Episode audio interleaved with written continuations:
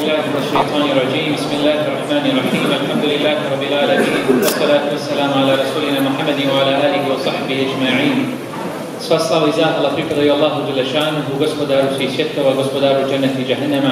Neka hvala Allahu Đelešanuhu na početku i na kraju. Neka su iskreni salavati salami na Muhammeda sallallahu alaihi wa sallam, njegovu časnu porodicu, njegove vrle ashabe i sve njegove drugove do sunnjega dana. Allahumma amin. Na samom početku želio bih vas posalamiti u svoje lično ime i u ime izdavačke kuće Elkelime, što ste došli večeras u ovolikom broju, što ukazuje na vašu ljubav i želju da saznate nešto o svome gospodaru, o svojoj vjeri, o svome poslaniku, sallallahu alaihi wa sallam, kao što je već i najavljeno i poznato, tema večerašnje tribine bit će smjernice u odgoju djece. Radi se o i jakoj, bitnoj i važnoj temi, a naši večerašnji predavači, kao što ih to također znati, što je poznato, ih bit će magistar Sead Efendi Islamović i Hadi Sadna Efendi Na samom početku odlomak iz Korana će pručiti Besa Gotifović, učenik treće godine medrese Gazi Isabek u Novom Fasaru i Muesin Hadžimeković Amin.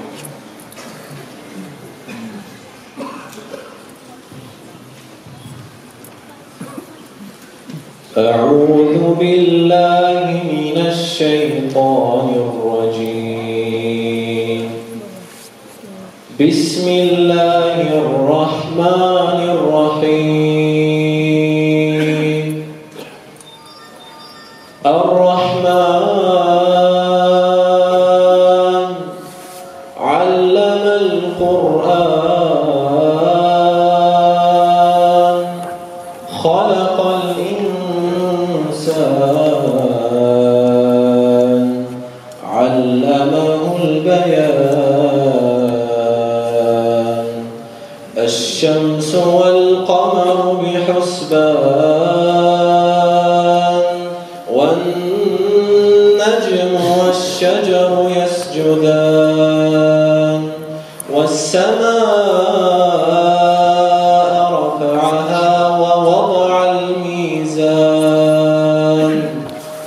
لا تطغوا في الميزان وأقيموا الوزن بالقسط ولا تخسروا الميزان والأرض وضعها للأنام فيها فاكهة والنخل ذات الأكمام والعصف والريحان فبأي آلاء ربكما تكذبان خلق الإنسان من صلصال كالفخار وخلق الجان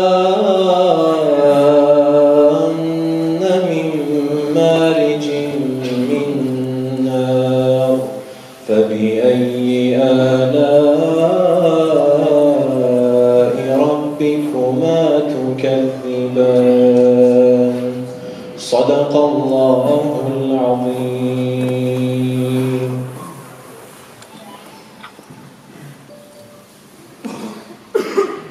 Molim Allah uzvišena da nagradi Vesara na ovako lijepom i predivnom učenju Kur'ana, a večerašnji naš prvi predavač ili izlazač bit će Hafiz Adnan Efendija Duka i još jedno obavještenje na kraju tribine, lijepo bi bilo da sačekate vice promocije jedne veoma važne i bitne knjige.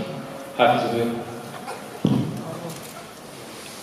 أعوذ بالله من الشيطان الرجيم بسم الله الرحمن الرحيم الحمد لله رب العالمين والصلاة والسلام على أشرف الأنبياء والمرسلين نبينا محمد وعلى آله وصحبه وسلم تسليما كثيرا رب اشرح لي صدري ويسر لي أمري واحلل عقدة من لساني يفقه قولي زهر pripada في Allahu الله سبحانه وتعالى صلوات السلام دون donosimo na Rasula, milenika Muhammeda sallallahu alaihi wasallame, na njegovu častnu porodicu, ashabe i sve one koji slijede njegov sunnet, njegovu praksu do sudnjega dana. Allahumma amin. Brojne su blagodati koje uzvišen je Allah subhanahu wa ta'ala daro jednom čovjeku, daro jednom roku. I istino je kazu uzvišeni kada je rekao وَإِنْ تَعُدُّ نِعْنَةَ اللَّهِ لَا تُحْسُوهَا i kada biste pokušali da prebrojite Allahove blagodati, nikada to ne biste mogli uspjeti.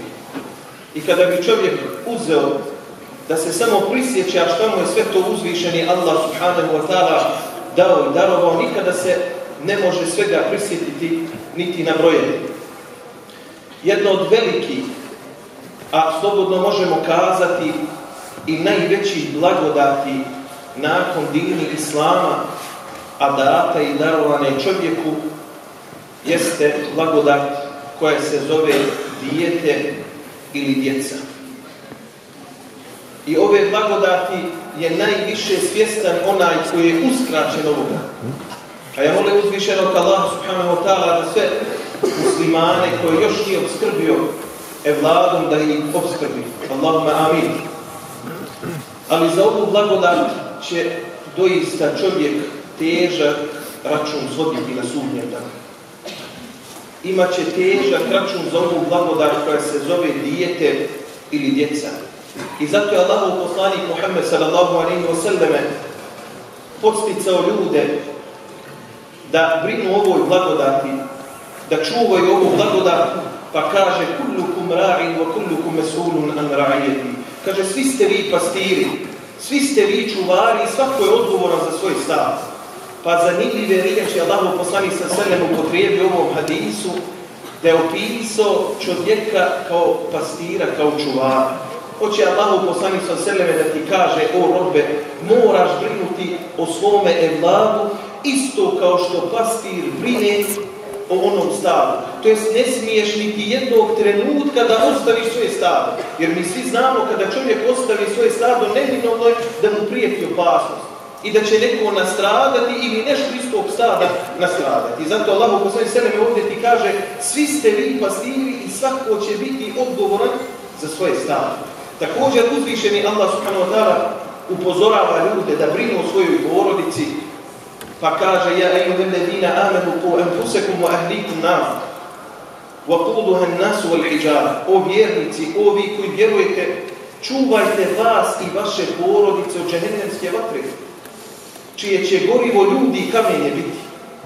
Pa kaže Ali Ali Allahu kako to da čovjek čuva svoju porodicu, svoj evlad od džahennemske vatre jeste da ih naučiš opet, da ih naučiš šta je to halal, a šta je to haram, a nakon toga da ih lijepo odgojiš.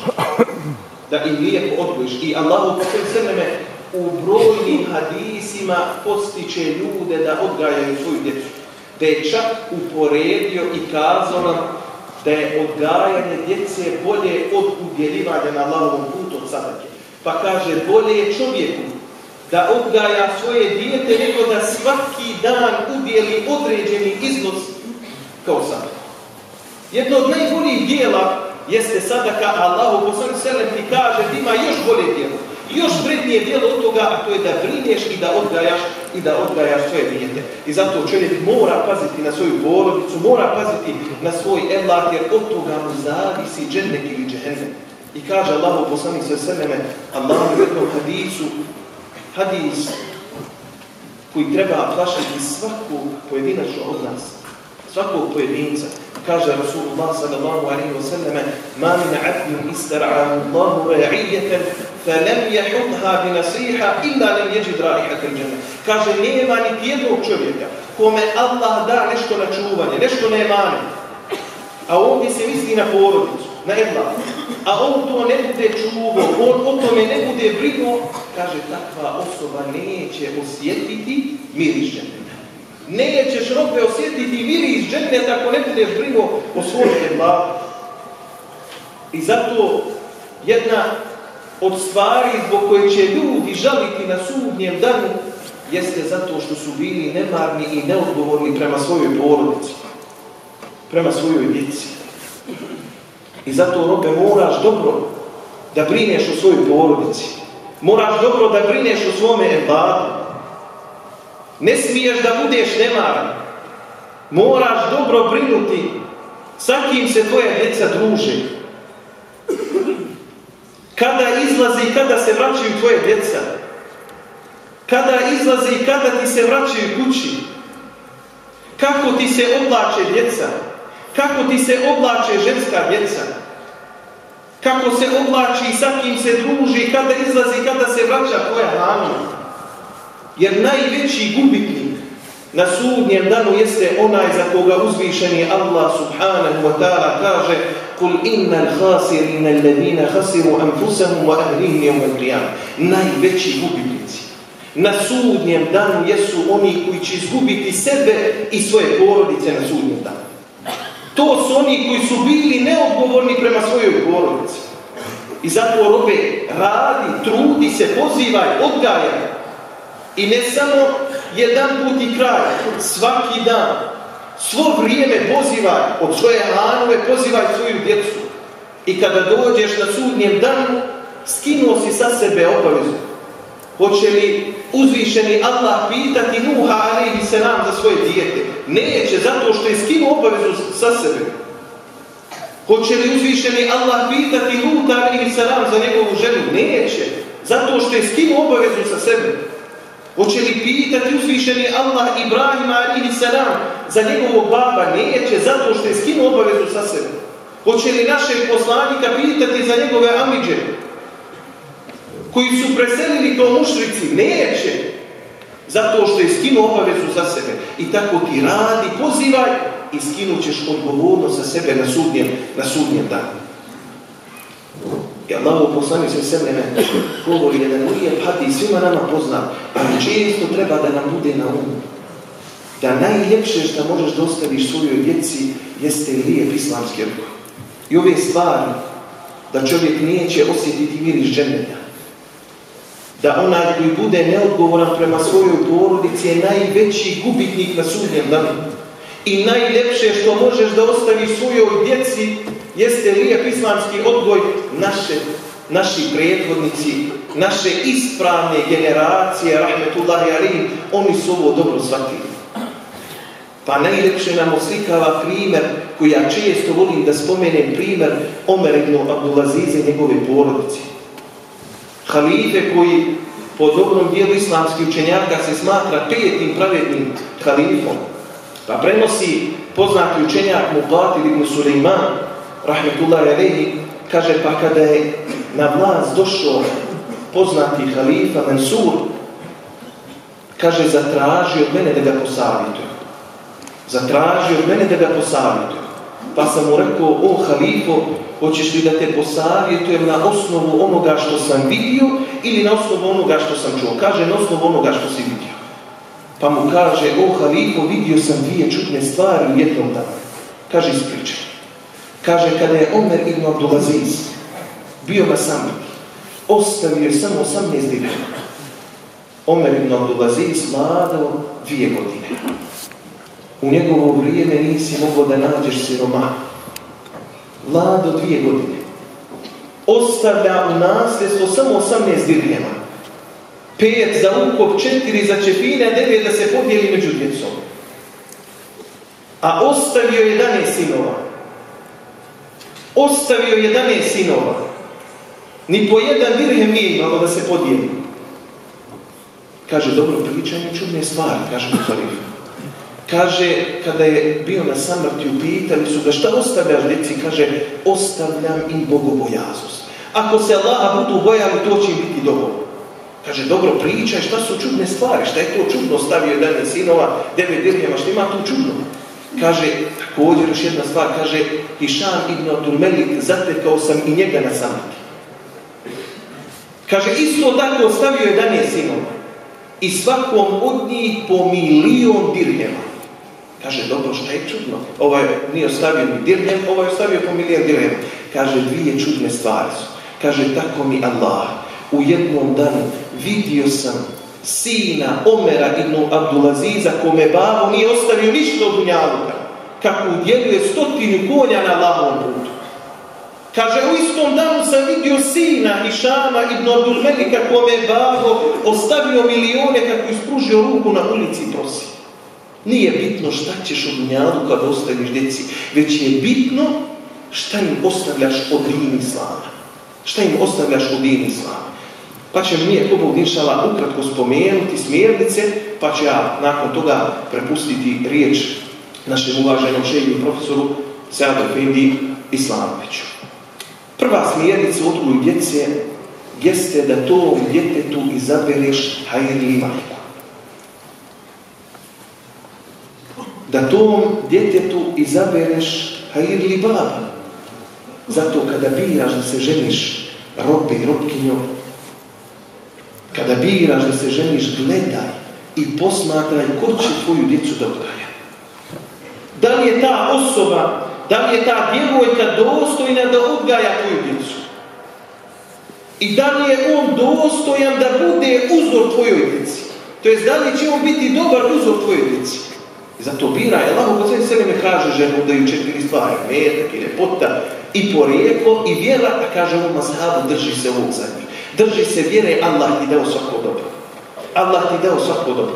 I nema smjetnje da čovjek koži lijepu bogatu i koja je dobro porijekla, ali gledaj da glavna stvar u tvome odabiru bude vjera. Gledaj da izabereš čestitu pobožnu djevojku. Gledaj da izabereš čestitog i pobožnog muškarca. Jer ne može ona koja dođe iz diskoteke, ne može ti odglednicu. Ona koja onaj koji dođe iz kafane, Onaj, iako ima par i porijekla koji se drogira, kocka, pije, ne možemo da ti bude dobar uzor svoje djeci, tvoje djeci. Već biraj hajli ženu i muža. Biraj hajni ženu i muža, divan primjer, svima nama poznat, ali treba da imamo često na umu, jeste primjer Allah čovjek da zaplače kada, sluša i čita ove, ove primjere koji su bili koji su se dešavali u priješnjih generacija. Primjer Neđmudina, Rahmetullah Jale. Dugo se nije ženio Neđmudin, pa dolazi njegov brat Esedudin i kaže o brate, zbog čega se ne ženiš? O brate, zbog čega se ne ženiš? Bili izuzetno poznati i hrabri i vješti govorci. Kaže, hoćeš li da te oženim čerkom sultana? ili da te oš ženim čerkom vezira. Kaže, nisu, što bi mi to rekli, nisu moj tip. Kaže, pa kakve ti to žene tražiš, kakvu ženu tražiš? Kaže, tražim čestitu pobožnu ženu, koja će mi uzeti za ruku i povesti u džennet i koja će mi roditi dijete koje će osloboditi kuc. Kaže, u još u to vrijeme, kaže, teško da ćeš tako da nađeš teško da ćeš tako naći. Kaže, vidit ćemo. Prošlo izvjesno vrijeme, nećemo bini. Sjedio je kod jednog šeha i u tom trenutku ulazi jedna djevojka i kaže, o šeha, ama da te nagradi poslosi lijepog, uglednog, bogatog muškarca da me oženi, ali kaže, i ona, kaže, on meni ne odgovara. Kaže, ja hoću muškarca, hoću momka, čestitog i pobožnog, koji će me uzeti za ruku i povesti u džennet i kome ću roditi sina koji će osloboditi kuc. Čuvši ove riječi, već kaže, še, ja ću Pa kaže, nije ona nešto puno lijepa, nije ona nešto, nema ona nekog porijekla, nije ona puno bogata, Kaže, ja ću nju doženiti. Pa kada je pristala, Allah je dao iz takvog braka se rodi velika islama Salahuddin Ejubi. Pa nakon toga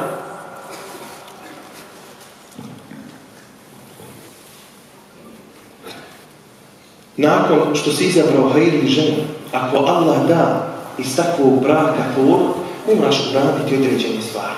Da mu daš lijepo ime, da se prouči ezan, da se zakone akijika tom djetetu, da se uradi tahnik, to jest da se djetetu nepce namaže hurmom, da se oprije glava i nakon toga su ličenje, tu se ostavlja roditeljima, znači tu je široko polje i čovjek može ugoditi, a što ranije to je bolje.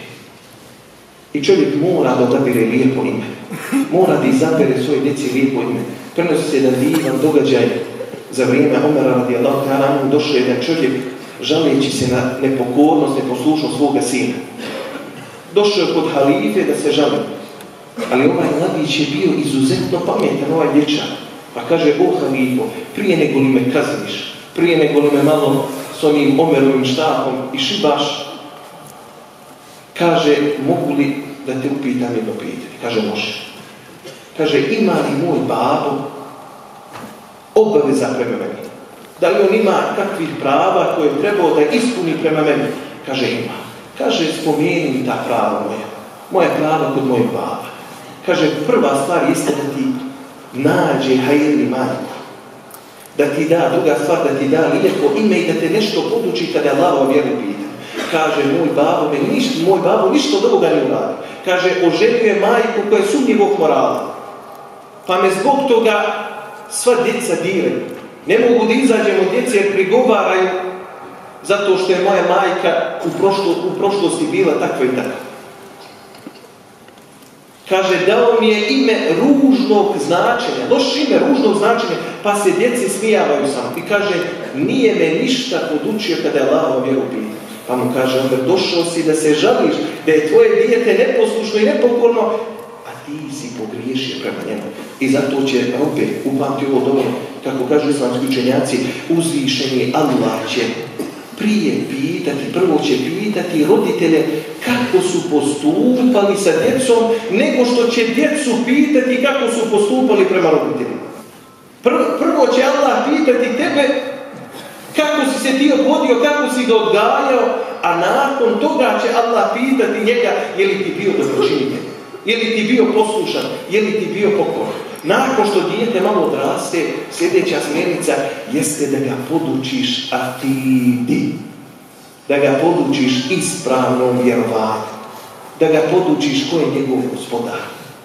Kome treba da odboji? Od koga treba da se boji. Od koga treba da strahuje. Da ga podučiš kome treba da dobi.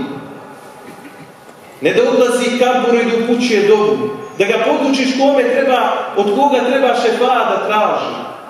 I još mnoge druge stvari. To je tvoja dužnost.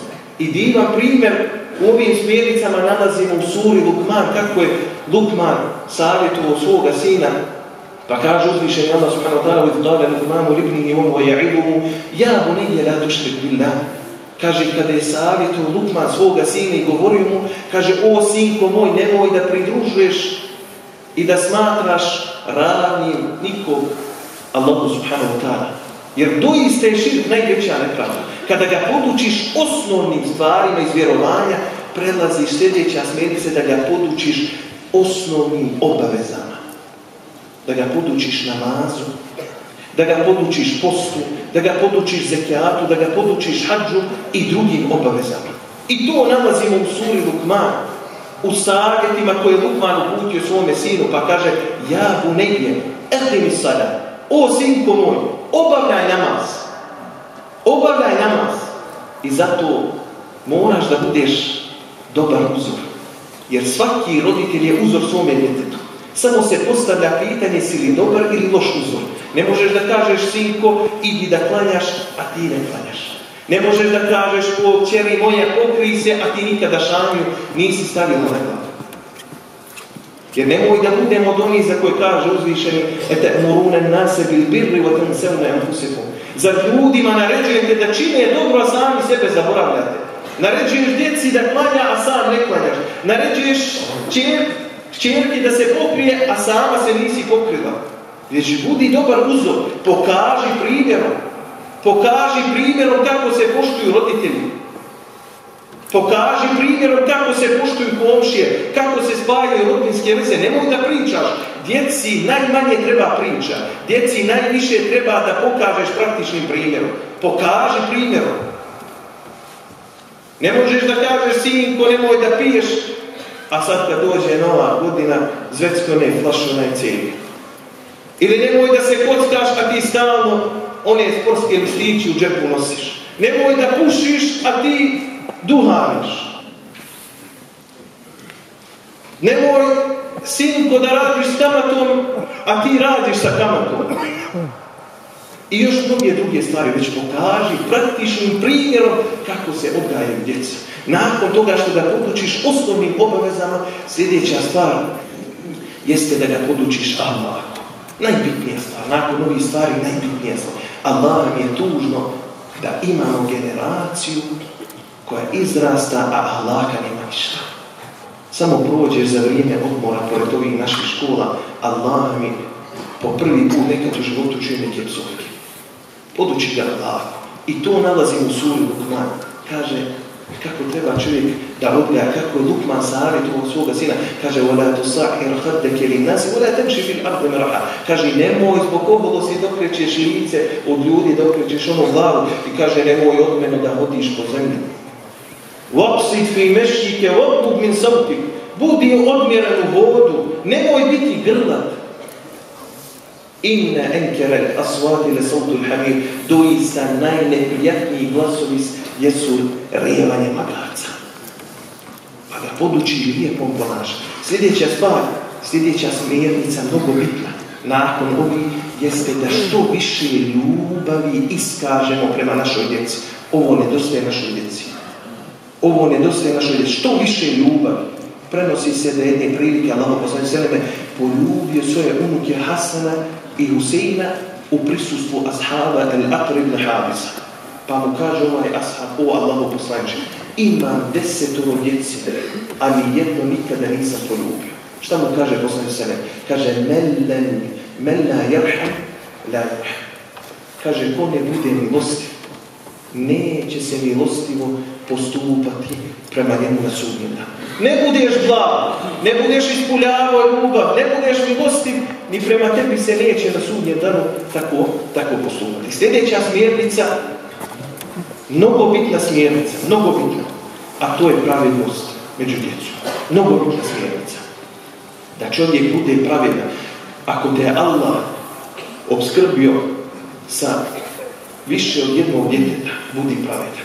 Jer Allah mi, ako ne budeš pravedan, ne budeš pravedan sve ovo što si prije uradio, hajdi majka, pa kada se rodi sve onim sunnete ispoštovao, pa ga podučio Kini, pa ga podučio namazu, pa ga osnovnim obavezama, šarijetskim obavezama, pa si ga podučio lipom vlaku, sve ćeš tu baciti u vodu. Sve ćeš to ako ne budeš pametan.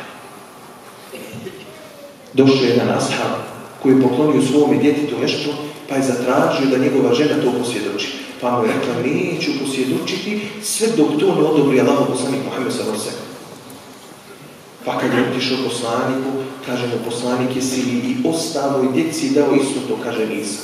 Kaže mu poslanik sa Fetehu Allahe wa'dinu bejne Kaže, bojite se Allah, boj se Allah i budite pravedni prema svojoj djeci. Zato moraš opet da budeš pravedan. Ne možeš jednom djetetu da daš sve, a drugome ništa. Posebno ova pravednost mora da dođe do izražaja kada preseli babu, kada dođe do nasljedstva. Allah mi, kada je dijeljenje nasljedstva, to je najveći naš problem koji ruši naše rodinske veze, koji ruši, ruši naše bratske veze. A to je da jedan uzme sve, a drugima ništa.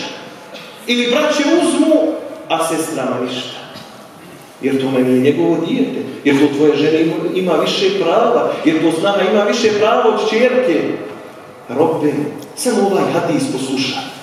Dobro poslušaj ovaj hadis. Allah mi svatko ko je uzeo nešto što mu pri, ne pripada, neka se pripazi na sudnjem danu. Kaže Allah, poslanicu Seleme, kaže, men ehade minel erbi, en bi gajri Kaže, uzme jedan mali komad zemlji, bez prava. Husife bihi jeumel qiyameti ila seb'i ardi. Kaže, sa njim će propadati na sudnjem danu kroz sedam zemalja. Sa njim će propadati na sudnjem danu kroz sedam zemalja. I zato, babo, ostavi oporuku da se djeca podijeli onako kako to Allah traži. Muškom pripada i ženskom pripada. Sve je to Allah uredio, uskladio, sve to u šerijetu ima dođi kod Efendije i neka podijeli. Ti robe dođi i neka to Efendija ti podijeli. Da Allah bude zadovoljan sa tim, jer robe nećeš uspjeti na sudnjem danu ako budeš oduzeo nečije, nečije pravo. Sljedeća stvar, mnogo bitna stvar, a to je da, se, da našu djecu učimo hranosti. Moramo našu djecu, mi često plašimo, čuo se tamo je buka, tamo je Uči djecu da budu hrabra. Uči, ashabi su učili djecu da budu hrabra. Zamislite prvo dijete koje se rodilo u Medini nakon Hidželejske Abdullah ibn Zubeiru.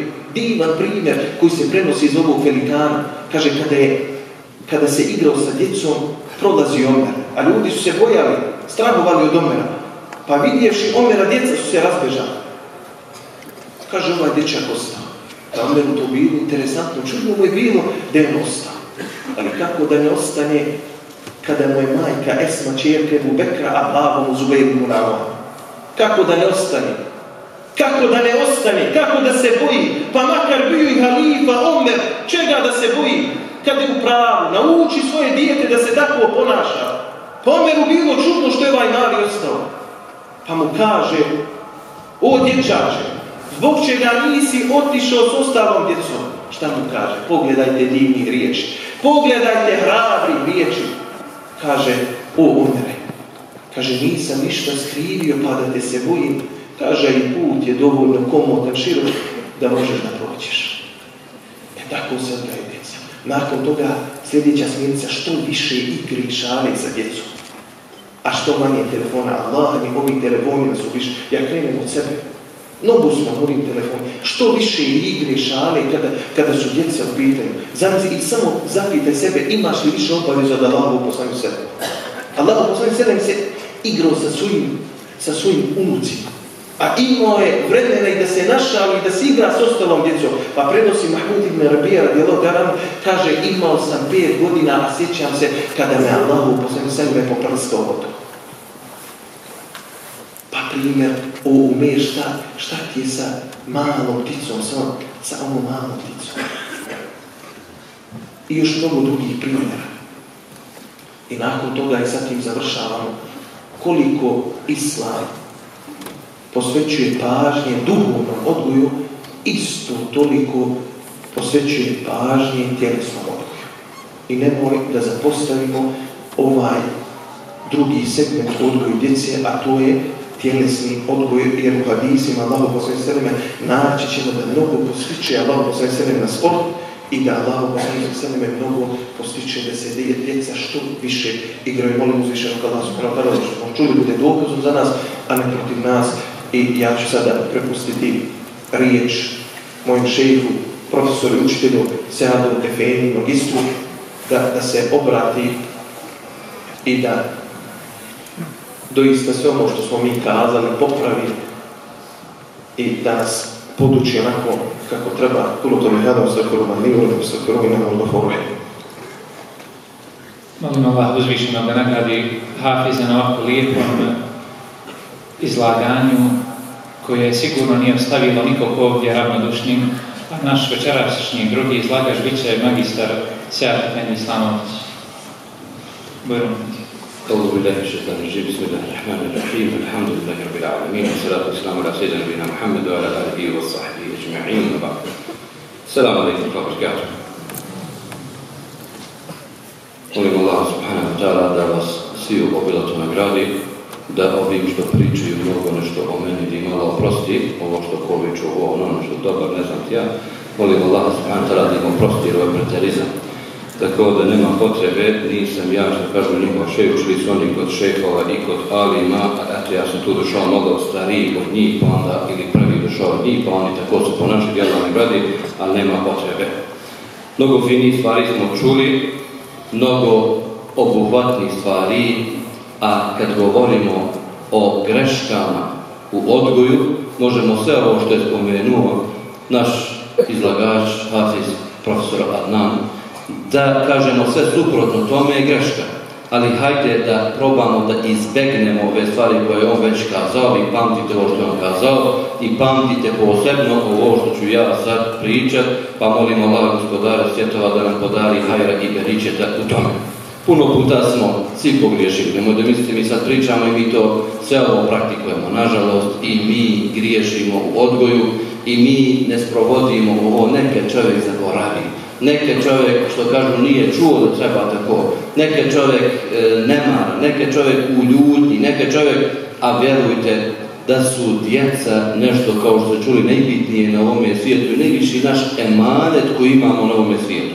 Pa što se kaže lovo poslanik Mohamed s.a.v. dovoljno je čovjeku grijeha da zapostavi, da zanemari one koje hrani za koje je odgovoran da hrani, a to su na prvom mjestu, znači njegova, njegova djeca. Učenjaci su nekad davno ta dobra stara vremena govorili, prvi sedam godina igraj se sa djetetom. Igraj se, nemoj ništa da mu naređuješ, nemoj ništa da je silo, nemoj ništa da je, što kažu ono, moraš, ništa ne mora, tad se igra djetetom. A onda drugi sedam godina uči se dijete, a nakon toga druži se sa djetetom treći sedam godina druži se s djetetom, ne smije čovjek da bježi ili da ostavi svoje dijete, da mu neko drugi bude drug. I to je prva tačka za noćas, prekidanje kontakta sa svojom djecom ili misli se da ne postojavanje kontakta sa svojom djecom, nego da čovjek kaže ne ne žena je sve odgovorno, nemam ja ništa sa njima, ne ne ja samo treba da radim, da donesem, ima tamo neko drugi brine za njih, nisam ja, to je veliki promašaj u odgoju i ne bi smio da se, da se dešava. Ali poslanik Muhammed sallallahu toliko bi brinuo o djeci, pa od djeci koja su bili njegova i djeci koja čak, što kažu, nisu bila ni njegova, ali dešavalo bi se da mu djeca priđu, pa čak i u namazu Allah poslanik bi i držao u krilo i klanjao bi sa njima. Ili se dešava držao bi hutku, gdje onda drži djete u krilo i drži hutku ljudima. Pazite, Allah poslanik Posljednji Allahov poslanik, najbitniji insan na kugli zemaljskoj. Nije imao bitniji, niti je mogo iko išta bitnije od njega da prenese na kugli zemaljskoj, do kako je svijet postao, do kraja svijeta, da živi dijete u naruče i obraća se ljudima. Pazite, to je nešto bilo prirodno, to nije bilo, znači ono mora, ako se nešto pravi, neki ambijent, pa ako nisi u od odijelo, ako nisi, ovo neće ljudi primiti, hoće ljudi da prime, samo treba istina, i treba čovjek da shvati kako treba da dostavi, da dostavi ljudima. Također, kad govore o tome da čovjek mora da ima kontakt i vezu s svojim djetetom, ne smije da je prekida, ni u kakvom slučaju, ovdje govorimo da bude nemaran prema njemu, kaže daj djetetu svoje vrijeme, dijete će ti dati svoje odlike koje će iz njega da izađu uzmi dijete dok je malo uz tebe, Allah će da da ono nakon toga bude uz tebe kad ti ostaraš i kad ti bude bilo, kad ti bude bilo najpotrebnije. A onaj koji se ne druži, nije ne koji se druži s tjetom šta da očekuješ od djeve, kako će dijete s tim da se druži? Dešava slučaj, i danas smo imali mnogo slučajeva, kaže otac ostavite ko djecu, ode, nema ga nigdje, onda dođe nakon, ne znam ti, 10-15 godina, da se pojavi, i šta misli da otac da ga djeca nakon toga poštuju, da djeca treba da za da treba da pa neće niko da te vidi, ti si više svoje završio, jer nisi ispunio obavezu koju je Allah, koju ti je Allah u emane dostavio, a to je da brineš i da vodiš računa o toj, djeci. Druga tačka i druga greška jeste kad imamo djecu među nama ili kad, odgajamo djecu, da ne vodimo računa o njihovim osobinama, o njihovoj prirodi. Imamo djecu koja su blage, imamo drugu djecu koja su mnogo žešća, imamo djecu koju i kad ga, eto, greškom, kažem greškom, upamtite, čovjek udari, nikad neće da se zaplače. Šta god da mora, ne plaće. Drugo dijete još nisi ni pomenuo, on već plaće. Znači, djeca se razlikuju i tu mora da se vodi računa kako ćeš kujem djetetu da pričeš da bi ga odgojio. Pazite, ashabi, drugovi Allahov poslanika Muhammeda s.a.v. toliki velikani, najodabranija generacija, bio je svaki za sebe. Nisu bili svi podjednako isti. Nisu bili svi podjednako učači Kur'an ili Hafizi. Nisu bili svi podjednako borci na lavom putu. Nisu bili svi podjednako udjeljivali ili humanitarci koji udjeljuju. Nisu bili svi podjednako koji su brinuli o porodici, nego i malo je i onih koji su sve znači razlikovali, a svi zajedno čine tu veliku, veliku zajednicu i tu čovjek mora povede računa. Pa u hadisima, u predajama došlo je da čovjek vodi računa kako se kome obraća Govorite ljudima shodno njihovom razumu. Ali vam kaže govorite ljudima shodno njihovom razumu, nemojte dozvolite da ljudi utjeruju Allaha i poslanika u laž po Pa se dođe čovjek, on nikad nije čuo za islam, ti mu sad pričaš, ne znam tamo kako to dozvoljeno se ženi za više, kako to može neke druge propise, kako nešto će da peže vaci ne možete mi to pominjati, makni sad. Pa znači, ti si odgovoran za to. Kome to pominješ? Pominješ ljudima koji ne znaju za Boga koji ne priznaju Allaha za gospodara, ne priznaju još Muhammeda, nisu, nisu još prihvatili kako treba i normalno da će te neko napada i da te, te neke stvari moju požuruješ. Imaju tu trenuci ili etape kad se priča o određenim, određenim stvarima i čovjek ne zmije ne zmije da, da požuruje. Također, gledam Mesruž, govorio je, ako ne budeš vodio računa koje je sve ispred tebe, nećeš se obratiti ljudima, a da ne izazoveš bitnu među njima. Neće se obratiti ljudima, a da ne izazoveš bitnu među njima, a kamoli znači među djecom, a ti imaš djecu pred tebe, vidiš da nisu sva ista, to je čisto da postupaš prema njima. To ne dolazi u i to je neispravno. Također stvari koje su mnogo bitne jeste kad odgajamo djece da znamo u kojem periodu njegovog života kako da mu se obraćamo. Kažu neka dijete kad je malo, tu čovjek treba da ima neke drugačije metode. Pa nekad mu rekli, ne, ne dirajte. Znači dijete malo stresne, neće dakle povuče, se ne dira. Primjer, kada ćeš ga odgajati polako, da dijete shvatio to ne smije da radi. Dođe situacija kad su već e, što kažu, no eto, kad puno lesu dijete kad ide, kad malo ono, osjeti se da je jako, da je snažno, da je najpametnije, da ide ko dalje, ne može njemu, ne, ne radi to, znači ono, makon sada svoj posao ne bez date dva nego tu kaže mora da se nađe novi metod. Šta je novi metod? Novi metod je da mu kaže sine, baba hoće od tebe da budeš ti dobar insan, pošten, da završiš školu, baba da čeka da ti završiš školu pa da se oženiš, pa posle ga baba vidi unuča, pa da se to završi, pa ti kaže djete stavljaš mu šta su njegovi prioriteti u životu, čemu treba da Dekaj, kaže tu se samo koristi lije emotivan govor koji će ljudi, odnosno tu djecu, omladinu, navući na lijepo, na lijepo ponašanje. Kad dođe situacija pa malo dijete, što kažu sad već oženilo, sad pravi problem. E kada tu otac treba nekad mu kaže sine, može doći da prekineš naše odnose, ti znaš znači babo, otac, odnosno otci, kako treba da se volimo, da se poštujemo, jako se ne ljuti, prekinut ćemo ga i kontakt, može nekad i da ga bojkotuje. Može nekad i da ga bojkotuje da bi uspio neke stvari kod njega da kod njega da promijeni. Također grešava kad je u pitanju odgoj sljedeća tačka jeste da se djeca upoređuju sa drugom djecom. Dođe se čovjek u odgoju, ti se ima dijete, jedno ti uči sve petice, drugo ne može da dobije peticu, kad bi ne znam ti i babo i majke išli u školu zajedno sa njim. Znači ne pomaže, ne može ništa tamo da se diviš pored njegovu klupu, džaba ti je, negdje je Davno bi smo bili učenici, jedna smiješna tačka, davno smo bili učenici, i sad jedan učenik tu među nama mnogo odsutstvuje. I razrednik mu kaže da veti baba, da ti opravdavaju časove. Kaže, on jednom dovodio baba, drugi put, treći put, a opet kasno. Opet ga nema, odsutstvuje. I kaže, razrednik, dovedi baba, kaže, jes, ja ću mu kupiti ta što je samo u školu. Pa je učenik odgovara ovako, da je bio iz sredane škole, ali eto, znači, kad bi šao baba sa njim, ne bi mu pomogao u nekim stvarima, znači, dijete ograničeno.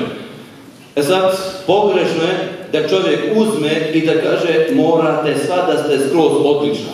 Ko ne bude skroz odličan, znači završio je i tako dalje. Neko treba da se gada neko neka bude odlično, ali bitno je da ih odgajamo da budu ljudi, ne mogu da budu svi hafiti, ne mogu da budu svi alimi, ne mogu, ali ljudi, ono osnovno, osnovno što je, moraju, moraju da imaju. Kaže ta djeca koja ne mogu da postignu, a roditelji ih upoređuju. Vidiš li ovo djetu tvoje deni, kako je dobro, vidiš li vam tvoje sestra, ima sve petice, ti ne možeš da biš nikad petici, ono, kaže onda se javlja ljubomora, javlja se zavis, javlja se jedva čeka da se osveti toj djeci, ti bogatstvo, odnosno da se stakle da njima.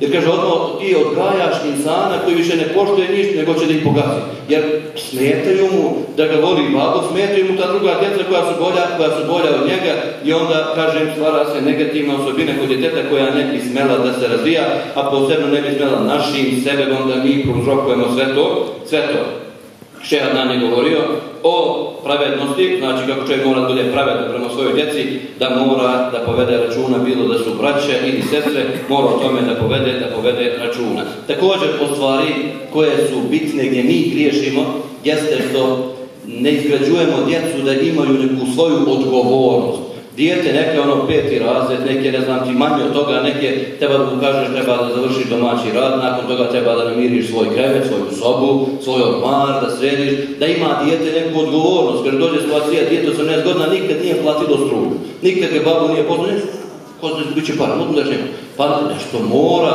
dadni mu nek nosi, nek izgubi jedno, neko uradi što hoće, ali mora to djete da bude sve s takvom babu preseli, mora će gdje sestra umjesto sine ili suprotno da traži tamo komšiju da plati struju, djete živo tu ne mora dodati da plati struju. Znači moraš da mu daš odgovornost jer to djete sveti da je nešto odgovorno u toj kući, pa makar da naložiš pored ponekad da ne zapali kuću.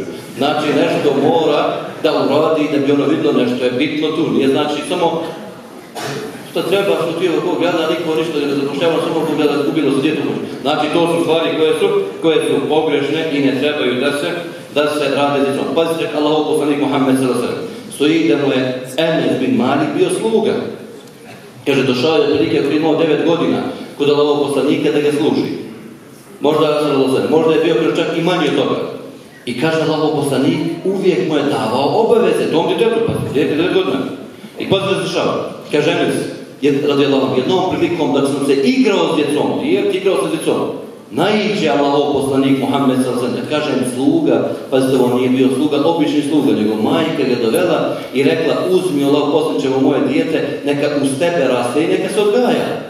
Neka bude uz tebe, neki bude pomoćnik, neki bude uz tebe čisto da bi se odgojio zato je on velikan od se odgajao uz muhammed s.a.v. Nije bio sluga, ono zarobio ga, ne znam, kupio ga da bude sluga. Nego čisto da mu bude izmećar, ali ovom poslaniku majka ga dala volj, uzmi ga I kaže, ne iše Allahov poslanik Muhammed s.a.v. dok mu se igrali.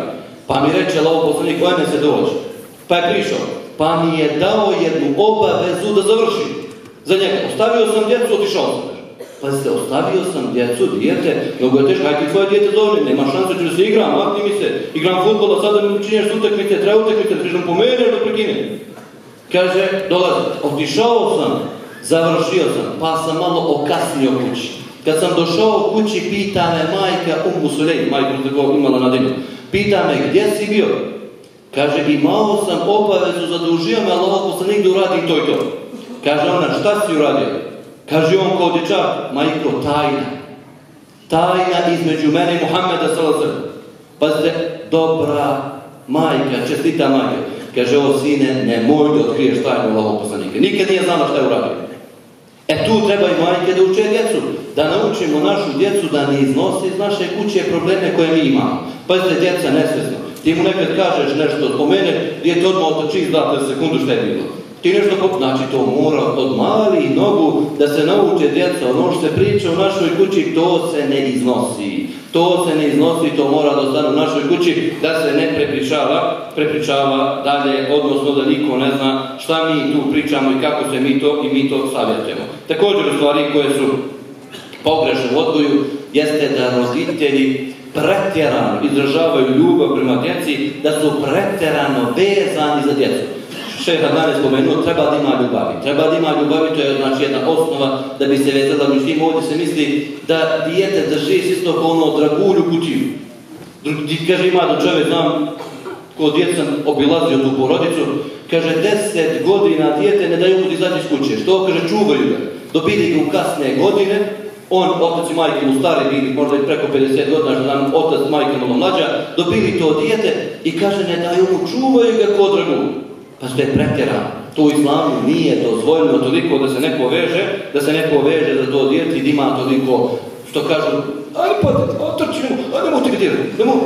Kaže, da nema nemoj, ne, ne, umiješ ti ja ću, ja se mora. moram. pa, polako, nije znači, ne znam ti ko, dijete, ali da je patni da se ubije, da ustane, da stavi dalje i da... Znači, ako padne gotovo, majke pade pred njega. Znači, to nije, to nije dozvoljeno i ne smije na takav način da se, da se postupa. Pazite, Omer bin Abdulaziz, svi čuli za njega, pravedni halifa, jedan od pravednih halifa, kaže njegov baba Abdulaziz. Uzeo je i svog Omerčića, tog malog djeteta je bio, dao ga je učitelj da ga odgaje. Kažu u tom vremenu, neke stara ta vremena, kad babo nije imao vremena da odgaja svoje dijete, on bi mu našao dobrog učitelja, platio bi učitelju i učitelj brine o njemu. Uči ga i Kur'an, uči ga i drugim veštinama, uči ga i da piše, uči ga i tiku, uči ga da se ponaša, uči ga... Učitelj je odgovoran za njega. Uči ga da poštuje baba i majke i tako I kaže jednom prilikom, Omer je zakasnio u namaz kao dječak. Zakasnio je u namaz, nije stigao na, na namaz u pa je učitelj pitao Omera zbog čega si zakasnio danas te nisam vidio u Kaže, ostao sam kod kuće da me očešljaju moj lijepu dugu kosu. Da me očešavi pa mi se kosa zamotala, zamrsila, dok su me češali prošao mi je namaz. Kažu se rodna zove baba. I kaže, danas tvoj sin nije došao zbog te lijepe loknice, kosice u džematu, tamo su ga češljali održavali, pa su možete odrasli ljudi koji se gleda pa se ritska, pa prođe jedan namaz, ne može da stigne kod eme, pa mora se zaglati. I kaže, tvoj sin danas što? Kaže njegov babu Abdulaziz, po naredbi od sad ga prijemo ćela, Znači više nema, završeno. Jer zbog toga da ostavi namaz u džemalatu, što mora neko da ga glati, da ga doteruje, da ga sređuje, kaže, odmah mu se prije kosa, završeno. Znači nam kaže, nije bilo pretjerano vezanje, znači mi to gleda, nemamo te lopnice, nekome je lati, kako se i međutim, od toga nema ništa preče da se odgoji na ovakav način, da shvati šta je pac na masu džematu, nego da mu se češaju, češaju loknice. Pretjerana upotreba sile kad su djeca u pitanju. Znači, ovo je jedna opasna tema, vjerujte, čitao sam mi nekoliko puta, da kažu, suze su mi lile, čućete priču koliko je opasno. Allah oposlanik nije imao taj metod prema, prema onima koje je odgajao. Nikad, kaže Allah, za nije nikog udario, osim u borbi kad bi bio. Niti je udario ženu, niti je udario dijete, niti je udario te faktički koji su bili njegova posluga. Kaže Enes bi mali, ovaj kome govorim, to nikad nije to primjer, kaže nikad mi nije rekao što si uradio to tako, što nisi uradio tako. Nego kaže Allah, ako bi mu se svidilo, on bi rekao Allah Tu se ne svidi, sam to uradi. Sam to uradi kako treba. Nikad mi nije rekao ništa onika. E sad ovdje kod nas postoji, tako što rekao prije, srčba, ljutnja koja nam zatvori razum, koja nam zaustavi da razmišljamo, pa ono faktički na ovome svijetu, kažemo ti dunjalučki blagodati koje su nam najteže, dođe se nekad ostat učiniti, toliko velik problem Iz Izudara ga, pa dijete nakon toga počne se mokri noću, pa dijete nakon toga počne da muca, pa dijete nakon toga zna da bude i povrijeđeno teže, pa to, to ne smije, to, to naš razum ne smije da učini ni slučajno. Znači mi to kad gledamo, sad da pusti neko tamo neki snimak, ne znam ti majke bije dijete, mi subhanallah treba, ovo treba. Nekad insan, šeitne ga prevari i zablokira mozak, pa ne uzubila, to ne smije ni pod razum. Mora čovjek živi. Allah dragi, vjera je tu, dobro, dijete uradilo, uradilo, preće je dijete nego sve na svijetu. Mislim u ti dunjaluški blagodati koje čovjek ima. Šta god je uradilo, što god je, ne smije čovjek upotrebi pretjeranu silu. U časopisu, jednom arabskom časopisu, stoji mnogo teška priča, stoji rekao, vidjet ćete kako to glasi. Kaže, u noć dok je babo spavao, dijete je loptom polomilo prozor. To dijete malo bilo, znači djetence neko. Pa je on uzeo, kaže, jedan prut, motkicu neku, pa ga je izudarao po rukama, ne obrativši pažnju da je na toj motkici bio ekser koji je izbockao to dijete svugdje po rukama. Gdje ga je udarao? Kaže, dijete u strahu zaspalo, temperaturu dobilo, nije smelo da se, da se javi, da, šta mu se dešava. Kad jutru majka pogledala, kaže, vidi dijete poplaveno, živo još, ali poplaveno, čitava. Dobilo neku infekciju. Kaže, odmah je bilo doktor, odmah stigli tamo, doktor gleda, moraju da mu se osjeću ručice. Da bi se spasilo, dijete zarazilo, sve nema spasa. I kaže kad su to dijete, kad se to dogodilo, svekli mu ručice, kad se djeti s kome probudilo, kaže babo vrati mi ručice, nikad neću slomiti prozor. Kaže babo vidio što je uradio. Pazi kakav prozor, kakva lopta, kakva kuća, kakva pare, auto i tako dalje. Tu ne treba čovjek da pomišlja tim stvarima, da nešto nudi nekome zbog toga. Kaže vrati mi ručice, babo nikad više neću slomiti prozor. Kaže babo se popeo na krov bolnici i ubio se. Eto naš, naš izašao. Neko ih gledao ovako, neko zbog prozora, na primjer, da takav način se ponaša. Čak je mnogo opasno, mnogo opasno dok bi da se djeca udaraju po, znači, ovim spoljašnjim dijelovima, dijelovima dlanova, slučaj, nikako.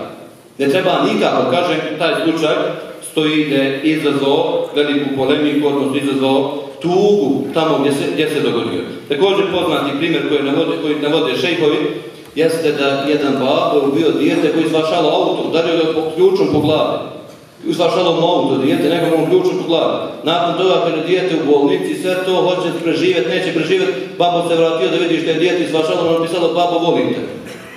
Znači, dijete ne zna, više to mislim treba da ostane tu, da babo ima uspomenu od njega, a eto, nažalost, dijete dobilo uspomenu od i to koju nije trebalo, koju nije trebalo ni slučajno, ni slučajno da, dobije. Također, stvari koje spominju kao grešku u odgoju, jeste da se pretjerano hvali dijete da pretjerano sam misli, e moje dijete treba uvijek da se hvali, što god uradi, bilo da je dobro, bilo da je loše, ne smije da se hvali kad uradi nešto loše, nego treba da mu se ukaže da je ta stvar loša i da ne smije da radi te stvari koje su, koje su loše. Također od greški, kad je u pitanju odgoj, jeste imaju određeni roditelji koji silom pokušavaju da nametnu roditetu da dijete bude stalno veselo da nikad djete ne smije da je tužno, da dijete nikad ne smije da zaplače, da dijete silom utera sreću.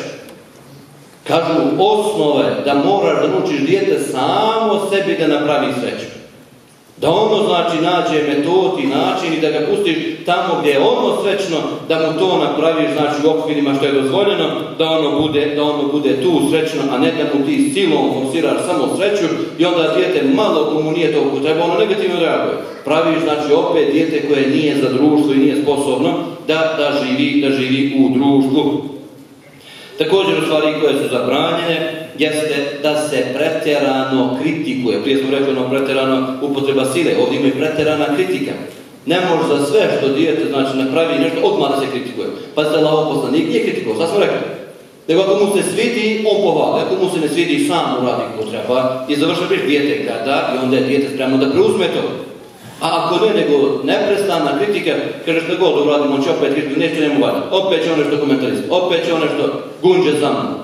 I da si napravio dijete koje neće da te, da te posluša? Također, dijete ne smije da se vrijeđa. Iako je dijete, što kažu, malo, iako dijete nije, nije što kažu sam, pa neće za mene, za Pa ne da, Allah dragi, ako dijete ima neku mahanu, pa malo oko mu nije dobro. Ha, čoravi, ne radilo dobro. Ha, čupavi, ha, vo, ha, odmah automatski ti ga šiš ubijaš.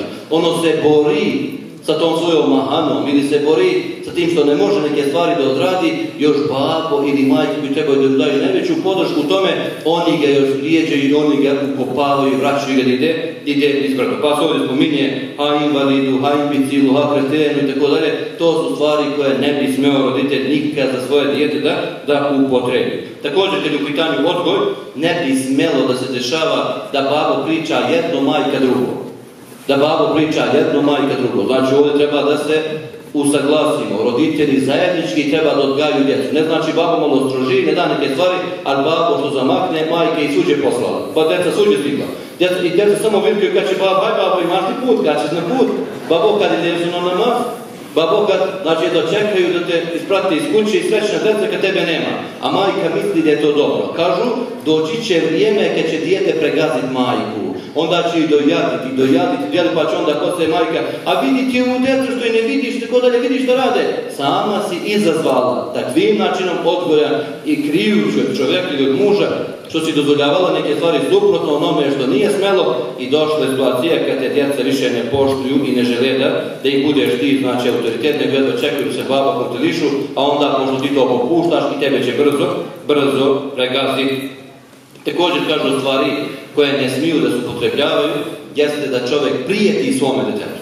Te čovjek govori detetu slomiću te, ubiću te, zaklaću te, telefon, kako si, kad dođem ti I kaže dijete odmah automatski razmišlja, ne smije da čeka baba spremno na sve da pobegne od kuće, spremno da sebi napravi neki belaj, spremno da sakrije se, ne znam ti, zato što ne smije da čeka baba. To otac ili majka to ne smiju da, rade i ne smiju da upotrebljavaju takve, takve izraze. Također u stvari koje su negativne jeste da se pusti djeci da se igraju 24 sata i to da nema kontrolisane igre. Pazite, ima igre. Prije smo rekli, sedam godina igraj se s njim, igraj se s njim, ne pusti ga. Zbog čega mi danas pustimo djecu telefon, igra se s njima, ne igramo se mi, nego se oni igraju telefonom, a tamo se ne ilazi na svašta. A tamo ih odgaja svako, a tamo im plazira svako. Babo, mislite, mnogo lijepo igra sa djetom, uopće nismo mislili, čuli ste prije šeha dana, nije rekao igraj sa telefonom, nego ti se igraj sa njim znači mu ide potrči, da ne znam ti loptu i ne znam sve ono što može djetetu da doprinese, to su pozitivne igre. A igrice kompjuterske, telefonske, tako da to su negativne igrice koje negativno utiču na dijete i treba čovjek da se bori. Skoro sam vidio mnogo lijepo lijepu sliku, roditelji su zaključali telefone, djeca ne znaju šta će uzeti na šta ju priča. Čitaju priče, meni kavaš da čitam, te detetu bilo dosadno, ne znaš šta će, nemaš telefon, evo ti priču o poslaniku tome i tome, evo ti priču o tome i tome, evo ti priču, bilo kuja druga priča, bitno ne čitajte. Razvija želju za čitanje, pa makar i nešto što kažu, što nije direktno vezano za islam, neke priče koje su dozvoljene i tako dalje, neka se, neka se to što razvija se, razvija se žene i sposobnost za, čitanje. Također kažu, od negativnih stvari u odgojnice jeste kad dijete ima svoga druga, da mu spominješ da druga po lošim stvarima, da se smijavaš sa tim drugom, da napadaš stalno druga druga, kaže kod njega zbog čega. Jer dijete ti kasnije neće pričati sa kim se druži. Nego će ti skrivati drugove. A to nije jednom roditelju u interesu da ne zna s kim mu se dijete druži nego treba da se vidi i da se opet na lijep način, brate ti ili ti zato govoriš ti treba njega da utičeš pozitivno, ne može dozvoliš da on tebe odvodi, ti njega nauči kako treba, ti njemu je ovo, znači pokušavaj kako može, pa su poznali sa roditeljima toga deteta, pa zajedničkim snagama odgajajte djetru, a nije cilj da dijete tvoje sakrije drugove pa se druži tamo s nekim, ne znam ti, čombom, plombom, ne znam, vamo, namo, a ti ne znaš ko je to. Nego to je to, dobro, hajde samo vidimo se, dođi. Nego dijete treba da, da prijavi drugovi da zna s kim se, s kim se druži. Također kažu od stvari koje su negativne, jeste da roditelj uvijek nudi rješenje svome djetetu za sve probleme. Znači, mala neka sitnica. Dogodi se, roditelj, neka, neka, ja ću, ja ću, treba uraditi ovo, ne moram, evo ovo, završi, recimo ovo, uradi ovo. I kaže, dijete spremno, ne zna samo, ne pali mozak samo, koje će da ga usmjeri kako treba da radi, on zna, sve će mi to mama, papa to završi, ne da ja Gotovo za, za ovaj domaći zadatak završit će mama, na brzo piše. Da znam ti za ovo, neka sve što ne smije čovjek to da radi, ne treba ti da je uvijek gotova rješenja, nego treba dite da se pusti da samo iznalazi rješenja i samo da, da uči te stvari. Također stvari koje su negativne jeste i da roditelj poput ovoga, da mu daje stalna rješenja ili da mu roditelj upada u sve njegove sfere života. Neka dođe situacija, djete će da se obučeni, što na njegov način ti mu ne daš pusti ga, ništa počeje hoće. Pusti ga, će djetek izabere cipele, neki izabere te cipele, pusti ga. Hoće djete tu svesku, pusti, dati mu tu svesku. sve, koja nema ovaj nema nekih šeitana. Hoće djete, pusti ga. Nemoj da mu sve ti to moraš to ko, moraš rezuru na ovu stranu, ne ono ovo, što ne mogu, neka te rano pomoći. Primjer, znači roditelji imaju do te strane, sve vaše što mu kaže kako će to sve da ga usmeri pravi od njega, lutki, kako roditelji odgovara. Da ne pusti malo i dijete da ima nešto da zna kasnije i ono šta je dobro, šta je loše, Kažu također pretjerano praćenje svoga djeteta, ni to nije dobro. Pazite da ga pretjerano pratiš. Kako se pretjerano prati? Kroz rupnicu pa vidiš što radi u sobi. Šta radi sad? E ne uđu pati. Šta radi pati. E da si, šta radi? Znači to ne smijete gore se ponašaju sad. Od čega to dijete nakon toga uči se da ti beži? Ponovno. On zna moj babo prati, on se spusti za bijeku piru, na, da ne može da vidi kaže. I on gleda, ono bijelo se, kako da vidi znači ne zbije, nego treba djete da služi ko da ga prati Allah Pa se priča na kad se osamiš, Allah je zabranio to i to, to i to.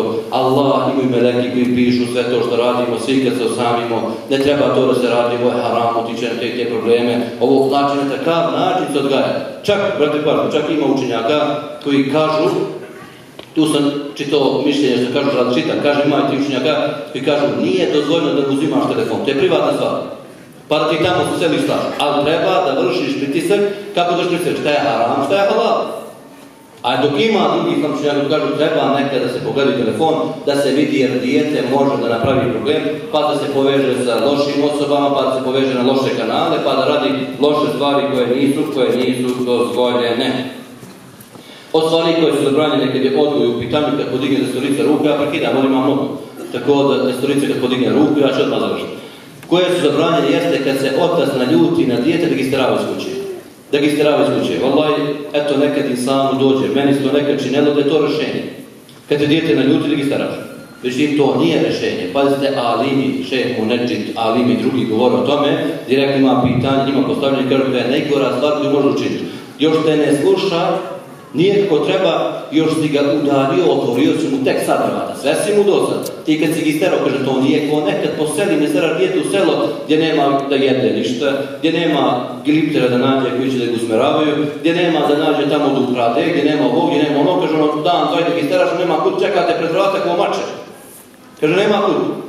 Čak i Gonhain spominje jednu priču da je bio tako u njegovom vremenu da je neka žena isterala dijete iz svoje kuće i kaže no dijete lutalo, lutalo mi štim nema, nema, kućno se opet vratilo na vrat i čeka pred vratom da ga primi. Dok danas kad ga isteraš i tamo oni koji će mu obećati sve samo da uradite stvari za njih. Da ćemo oni ovo, da ćemo oni ono, neće ga nikako oni savjetuju što treba da radi.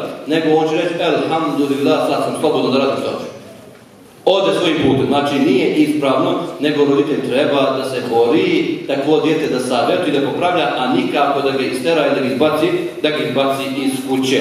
Također od negativnih stvari koje su prisutne kad je u pitanju odgoj djece jeste da se neko sa strane miješa u odgoj djece.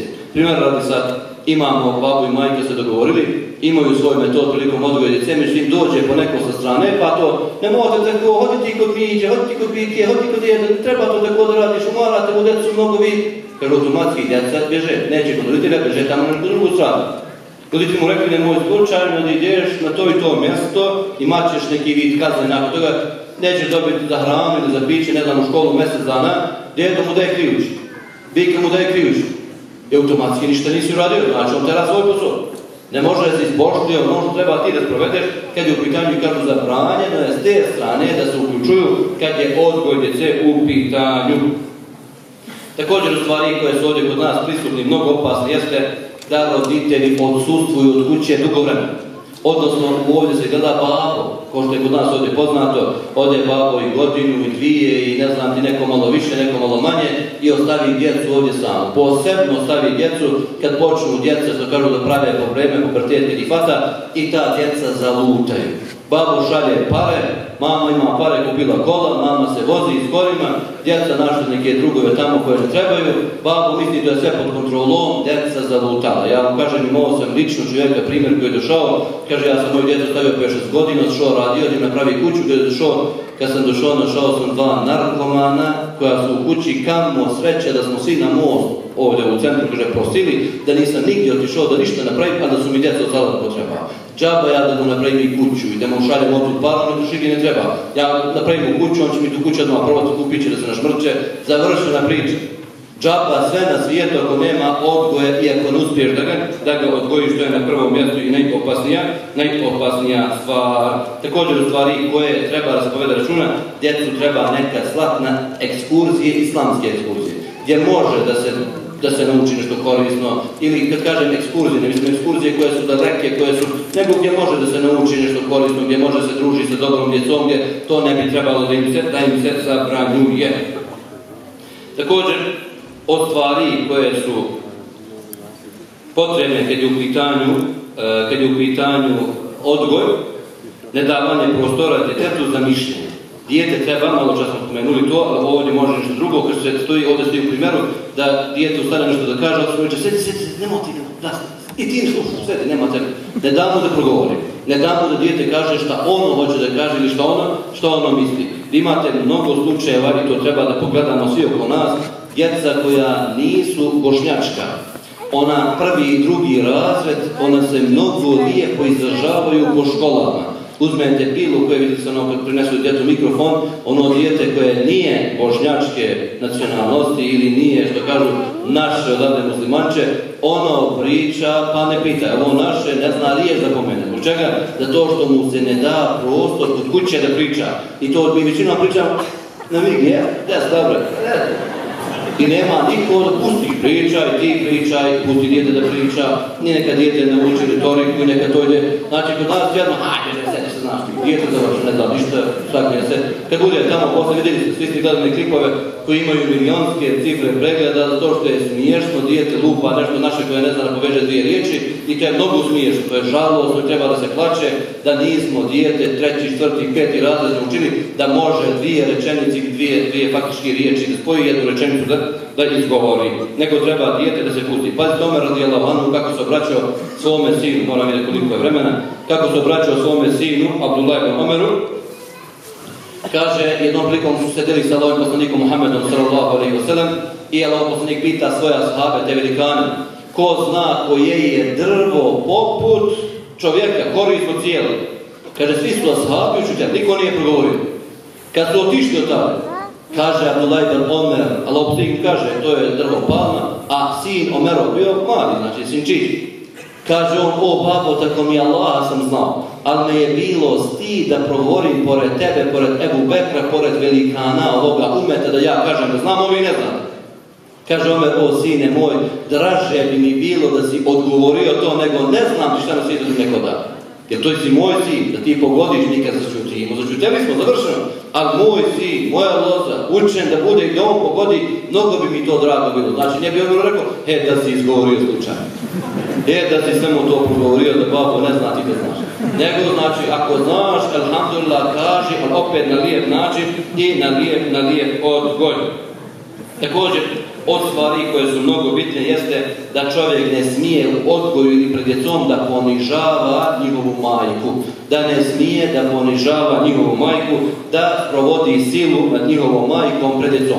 Kaže, automatski imaju dvije vrste negativnih posljedica nakon toga. Prva vrsta negativne posljedice, dijete ili će zamrzati oca, ili će ono nastaviti da ponižava majku nakon toga jer je naučilo od baba da majka nikad ništa ne zna, da je majka nesposobna, da majka nije za ovo, da majka nije za ono i djeci će doći do čovjeka će ono reći majke ti ništa ne zna, ti pojma nemaš po babo, kopira baba šta baba priča. Kažu ne smije ni slučajno da roditelj ili suprot također da žena omalovažava svoga muža pred, pred djecom. Također od stvari koje su znači zabranjene da se dugo bojkotuje svoje dijete Znači imaš tamo retaka, bojkotuješ ga dan, dva, kaže neko bojkotuje mjesecima, neće da priča svojim djetom. Ko da će da ga kaza, To nije u šarijetu dozvoljeno, jer Allah poslanik Sve kaže Bojkot može da bude samo tri dana i ništa, i ništa više. Vjernik može vjernika da bojkotuje samo tri dana i ništa više. Također problema koji izrašavaju jeste da čovjek ne želi da budi svoje djete kad je u pitanju, kad je u pitanju sabah namaz, nego ga pusti, idemo on ga, a odmah nakon toga deset minuta budi ga za školu. Nije to uspravno nego treba da ga budi za namaz, a onda ako Bog da i, i za školu.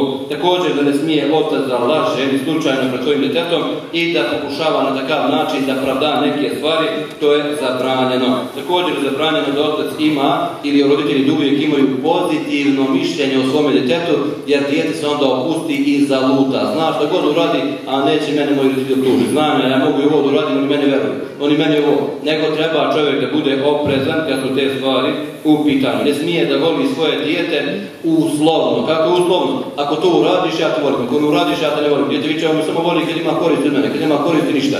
Ne smije svoje dijete da plaća stalno i da ga stalno, znači nagrađuje novcem kad čini neka dobra djela, a kad ne čini da mu ne To nas nije stalno. Od čega? Jer kaže dijete, primjer da imaš ljudi koji kažu nauči Kur'an, da će toliko toliko. Nauči to i dijete neće duši više Kur'an, nikad neće da bez Nego treba da ga naučiš da to se vapi koje radi i da je to dobro koje treba da radi, a nikako a nikako znači da se raspravlja i da se svađa, odnosno da se, da se djetetu to, sve to plaća.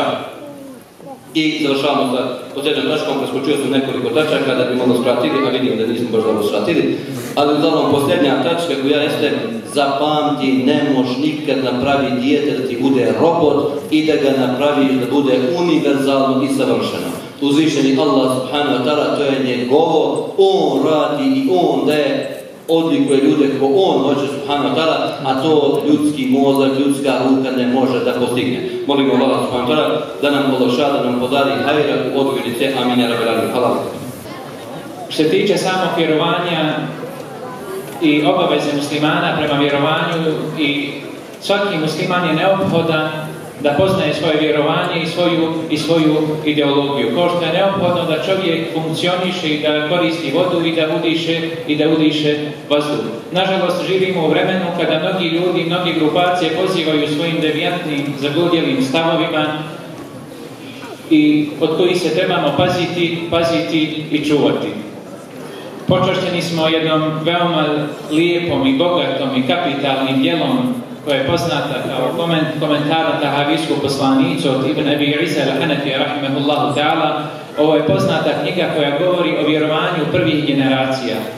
I slobodno se može reći da je ovo, jedna od knjiga koje govore toliko konkretno i decidno o vjerovanju prvih generacija i njihovom načinu spoznaje svoga gospodara Allaha uzvišenog i zbog toga mnogi islamski učenjaci ovu, ovu knjigu su jako, jako puno spominjali i u pozitivnom kontekstu hvalili, jer e, ona, kao što sam spomenuo, govori decidno o vjerovanju naših prvih generacija i dobrih prethodnika i ovo je izdanje izdavačke kuće El S obzirom što se tiče samih informacija koje se nalaze u ovoj knjizi, svaka kuća bi trebala imati ovu knjigu, jer govori o životu, o vjerovanju svakog muslimana koje mora stalno da se obnavlja.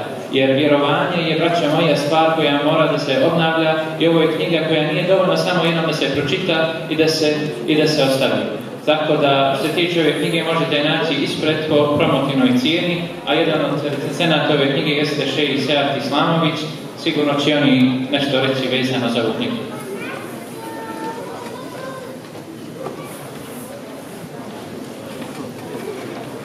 Jedna od najboljih koja postoji u pitanju vjerovanje i kad je u pitanju a kaj, šta čovjek treba da vjeruje, šta ne bi smeo da radi, da slučajno ne bi izašli za Allahove subhanahu pa ta'ala vjere. Toliko znači nema bolja, znači, se vidjeti šta I onaj koji sačuva, koji ne upraši, koji ne utroni svoj šehadet, bit će spašen na sudnjem danu i ako može da se desi da njegova loša djela prevagnu na sudnjem danu, on će određeni dio vremena odslužiti kaznu džehennemu, ali će vječno biti u džennetu. Ovo podlačimo ponovno, ali će vječno biti u džennetu. Zato čovjek mora da čuva svoj šehadet, a doista je ova knjiga divna prilika. I završit ćemo sa predajom ovog poslanika sallallahu alaihi sallam koju bilježi imam Ahmed, imam Pirmizi, mnogi drugi kažu kaže Allah poslanik sallallahu će se čovjek na sudnjem danu. Dozvat će se čovjek na sudnjem danu, a imat će 99 dugih biljeških grijeha. Toliko su duge koliko pogled dopili. 99 drugih biljeških grijeha, duge koliko pogled može da dosegne. Pa će Allah upitati ovog roba, o robe, ima li nešto da si našao u ovim bilješkama da nisi uradio? Pa će reći, nema gospodara. Da su ti nešto moji veliki pripisali, a ti pripisali, ti to nisi uradio, kaže, nema gospodara. Pa će mu uzvišeni Allah subhanahu ta'ala reći, robe, imaš li kakvo dobro djelo? A on će reći, nema gospoda. Kaže uzvišeni, imaš i danas se nikome nepravda neće učiniti. Pa će se pojaviti kartica, a na njoj napisano La ilaha illallah Muhammadu Rasulullah. Samo šehad. Što bi mi rekli, samo šehad. Pa će reći gospoda, jedna kartica naspram dugi 99 bilješki koji su toliko duge koliko pogled može da dosegne. Kaže uzvišeni Allah će mu reći danas se nikome nepravda neće učiniti. Pa će se staviti ova kartica na kojoj piše La ilaha illallah Muhammadu Rasulullah na jedan ta svage, a svi ovi njegovi grijesi na drugi ta svage pa će prevaruti. Ali čovjek koji sačuva šehade, ponovo podlačem koji sačuva ne utruni, ne upraši šehadet, a doista ova knjiga je divna prilika kako čovjek da nauči, da vjeruje u Allah subhanahu wa ta'ala, da sačuva svoj šehadet i da, za, da sačuva svoj devuhid, to jest da sačuva šehadet koji će mu, ako Bog da inšala, prevagnuti na sudnjem danu. Koliko uzvišeno da Allah subhanahu wa ta'ala da nas objedno to nagradi, da sve ovo što smo kazali bude dokazom za nas, a ne nas